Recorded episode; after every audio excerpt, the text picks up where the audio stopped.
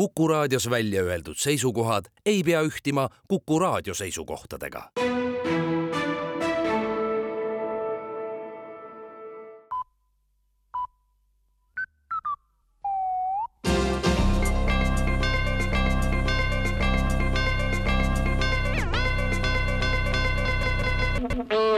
tere uudiste stuudiost, mikrofoni juures Rohke Debelak valitsus annab teada, et kuulutab äh, välja homseks üldstreigi. streigiga liituvad kõik ministeeriumid ja eeskätt ministrid ja peaministri sõnul on peamiseks streigi põhjuseks vastuvõetamatud olud, millistes tingimustes valitsus peab oma tööd tegema järjest kasvav rahulolematus valitsuse tööga, lahmiv kriitika, halvustamine pärsib valitsuse võimet parandada inimeste elu valitsus tunnetab, et valijad on valitsust petnud, kõigepealt annavad valijad valitsusele valimistel palju hääli ja kui valitsus alustab tööd, siis hakkab kogu elanikkond valitsusele vastu töötama. ükski seadus ega määrus ei sobi, kõik on halvasti, kogu aeg jäädakse hätta, vajatakse toetust ja palgatõusu, kaasamist ja ärakuulamist. Valitsuse üldstreik kestab esialgu kaks nädalat ja selle jooksul ei paku valitsus elanikkonnale valitsemise teenust kui inimesed ennast kokku ei võta ja rahul olema ei hakka, ei pruugigi valitsus enam soovida selliste inimestega jätkata.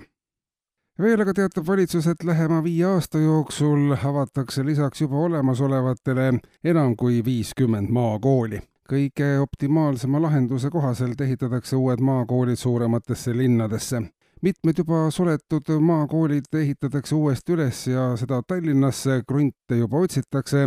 linnasisene maakool on perspektiivikas, sest paljud vanemad soovivad tegelikult, et nende laps käiks väikeses ja hubases maakoolis, aga saaks samas elada ka keset linna kõikide võimaluste keskel maakoolide ümberasustamine linnadesse annab ka juriidilise tausta, kooli ju ei suleta, vaid see muudab lihtsalt asukohta, märgib Haridusministeerium.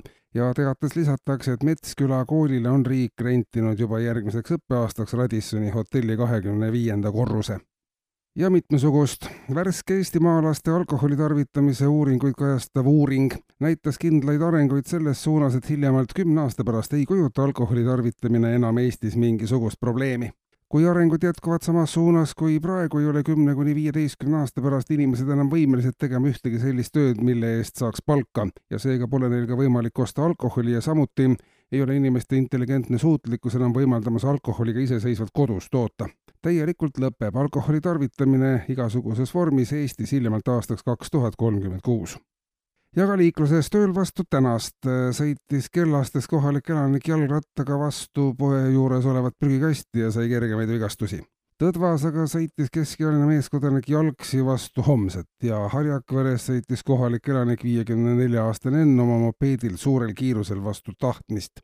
tahtmine vahejuhtumi käigus oluliselt kannatada ei saanud ja mees tahtis kohe jälle edasi sõita. kuulsite uudiseid